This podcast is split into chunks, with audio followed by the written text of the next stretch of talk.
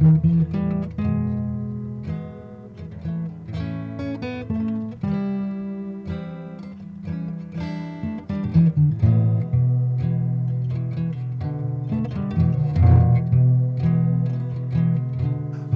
بكل مشاهدي ومتابعي القناة. اليوم نتكلم عن النقود. تاريخ ظهور النقود، لماذا ظهرت فكرة النقود؟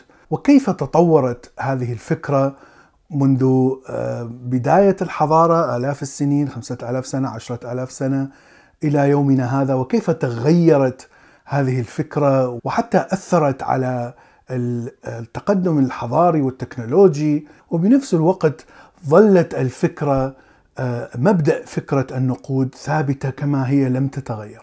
لنعرف فكرة النقود، ما هو ما هي النقود؟ هي فكرة وهمية، هو شيء وهمي يتفق عليه مجموعة من البشر على أساس الدين والمديون، إما تطلب شخص معين بضاعة معينة أو أنت مطلوب من شخص معين بضاعة معينة. والشيء المثير أن فكرة النقود موجودة فقط كفكرة اجتماعية.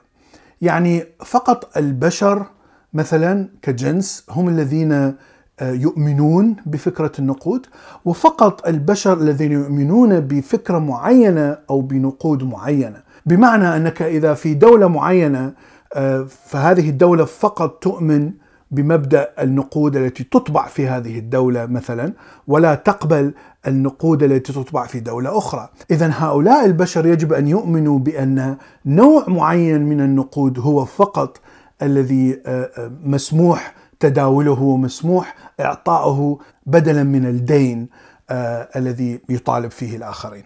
اذا كيف بدأت فكرة النقود؟ النقود هي كما ذكرنا عملية تسهيل ل تصفية الحساب بين الدائن والمدين بمعنى إذا فكرنا مثلا عشرة آلاف سنة ماضية عندما لم تكن هناك فكرة نقود وهناك قرى صغيرة منتشرة طبعا كان هناك كثير من القرى في الشرق الأوسط في ذلك الوقت.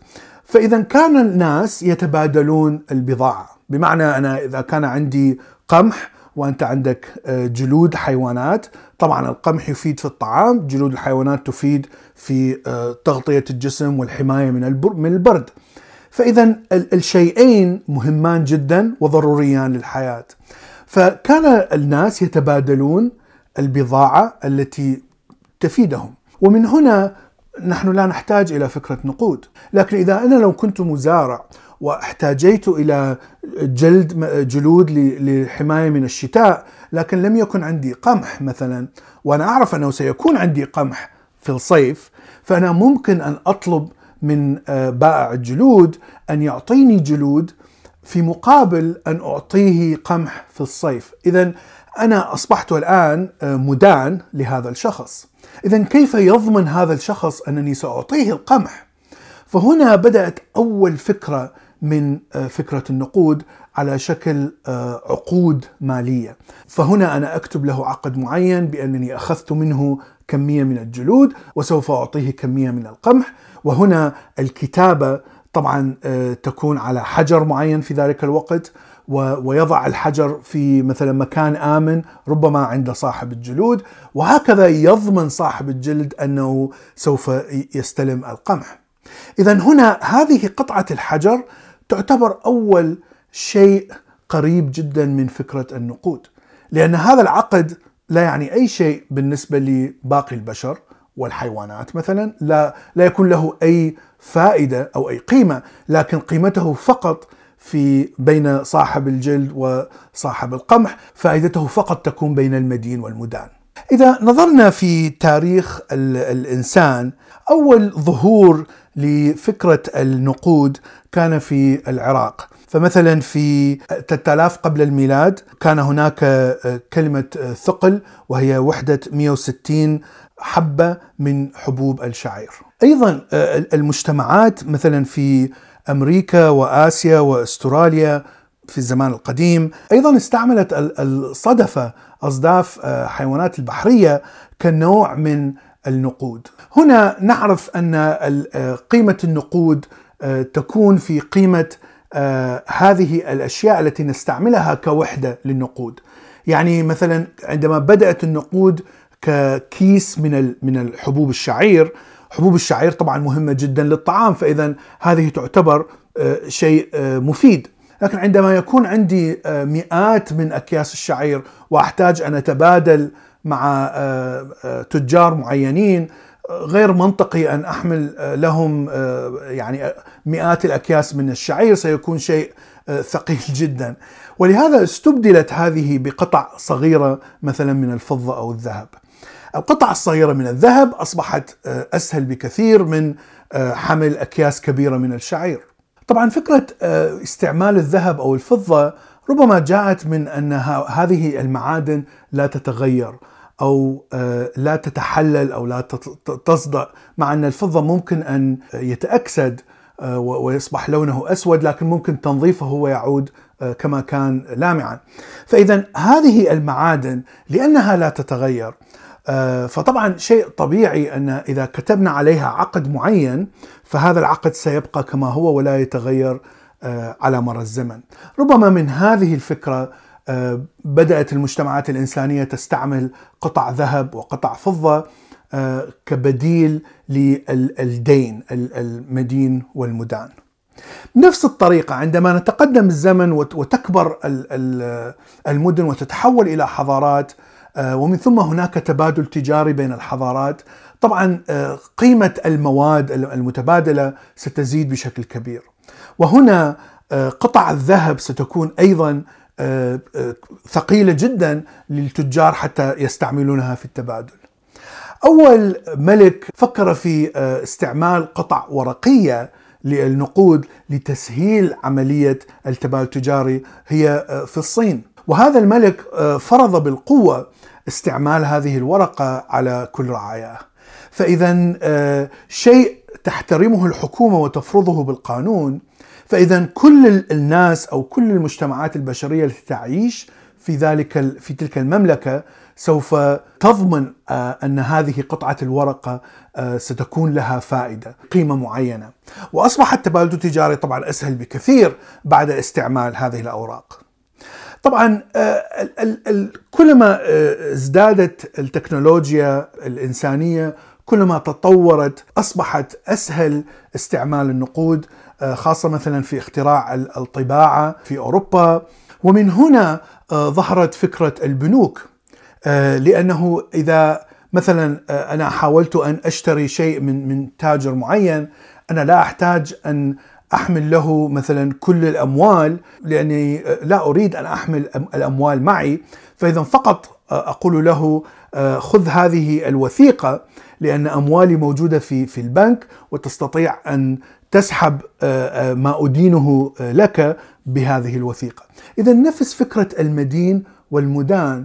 تحولت من تبادل البضاعة القمح والجلد إلى تبادل معادن معينة. إلى تبادل الأوراق المعينة إلى تبادل وثائق من البنك. وعندما اخترع التلغراف في القرن الثامن عشر أيضا استعملت فكرة تحويل الأموال وهي شركة ويسترن يونيون مثلا آه، كانت تحول الأموال عن طريق نقل آه، رسائل مشفرة عن طريق التلغراف ما بين المدن آه، أصبحت تحول النقود ما بين المدين والمدان انتقلت أيضا من البنك إلى هذه الشركات التي مثل ويسترن يونيون التي تحول هذه الأموال.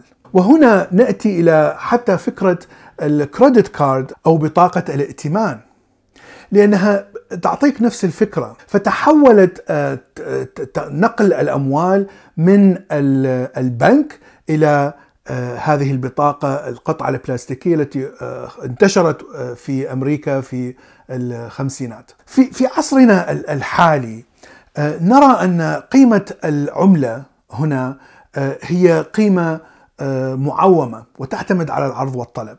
وهذا الشيء الذي فعلته أمريكا والغرب في تعويم عملاتهم آه، كانوا يطبعون العملات اعتمادا على الذهب المخزن في خزينة الدولة لكن آه، طبعا في نهاية الستينات بداية السبعينات بدأت قيمة العملة بالنزول ما يسمى بالإنفليشن ولهذا قررت الحكومات أن تعوم قيمة العملة ولا تربطها بالذهب الموجود المخزن. طبعا النتيجة أنك تطبع عملات بدون ما يكون لها قيمة من الذهب. وهنا تصبح قيمة العملة مرتبطة بالعرض والطلب. طبعا العرض والطلب يعتمد على آه، أهمية هذه العملة وطبعا هي ليست العملة بالذات لكن أهمية الجهة المصدرة. نحن نعرف أن الدولار الأمريكي مثلا هو آه، أقوى عملة موجودة في آه، الآن في العالم وعلى على فترة طويلة نسبيا يعني تقريبا 40 سنة مثلا هناك عملات قوية أخرى لكن الدولار هو دائما هو العملة القوية. هذه لم تأتي من فراغ. هذه أتت من القوة الاقتصادية القوة العسكرية القوة التكنولوجية. امتلاك أمريكا مثلا للسلاح النووي قبل السوفيت وقبل أوروبا الغربية. وقوة الصناعة الأمريكية والابتكار والاختراعات الأمريكية طبعا تدعم هذه العملة. عندما نأتي إلى العصر الحالي نرى أن هناك عملات جديدة مثل ال cryptocurrency آه، وهذه العملة التي آه، اخترعت آه، فقط في عصر الإنترنت وهي ناتجة عن برامج تحاول أن تحل معادلات رياضية معقدة جدا. وهذه البرامج تعمل داخل حاسبات والحاسبات تستعمل الطاقة. فإذا عندما ينتهي هذا البرنامج بحل هذه المعادلات مثلا يأخذ مدة أسبوعان. فاذا الطاقة التي استعملت لحل هذه المعادلات تعتبر هي المساوية لقيمة آه، هذه العملة أو ال cryptocurrency. من هنا بدأت فكرة ال cryptocurrency فاذا الشيء المفيد فيها أنها لا تنتمي لأي دولة أو لأي آه، جهة أو لأي بنك هي فقط آه، تنتمي إلى مجموعة من الحاسبات التي منتشرة في الإنترنت. آه، فإذا لا يوجد شخص واحد أو جهة واحدة تمتلك هذه العملات. ولهذا طبعا هي تكون مفضلة جدا بالاستعمال من اللصوص الهاكرز آه، لأنه لا يوجد آه، جهة مصدرة لها، لا يوجد أي سيطرة عليها، قيمتها فقط يعتمد على التداول، العرض والطلب. اذا العملة هي فعليا يعني شيء خيالي آه، ليس له قيمة مادية، لكن لوجود قوة اقتصادية وعسكرية للجهة المصدرة أصبحت له قيمة كبيرة جدا. الشيء فعلا المثير أنك عندما تفكر بالدول التي تحارب أمريكا آه، داعش في السابق إيران شمال كوريا إلى غيرهم. آه، يحاربون أمريكا لكن في نفس الوقت آه، يتقاتلون على الحصول على الدولار الأمريكي.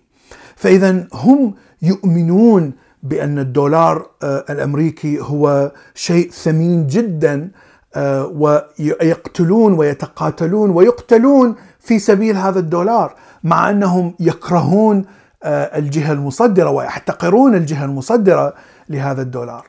هكذا يعني أصبحت فكرة العملة والنقود آه، الآن في عصرنا الحالي آه، فكرة مسيطرة تماما على عقول الناس وتستعمل كسلاح واضح جدا لكل الأفكار السياسية لكل الأفكار الدينية مهما اختلفت هذه السياسات والأفكار والأديان لكنها كلها تتفق على أن فكرة النقود هي فكرة صحيحة والكل يؤمن آه، بأن هذه الفكرة مهمة جدا والكل يستعملها آه، في آه، تعاملهم اليومي. فهذا ما أردت أن أقول اليوم شكرا لكم وإلى اللقاء في حلقة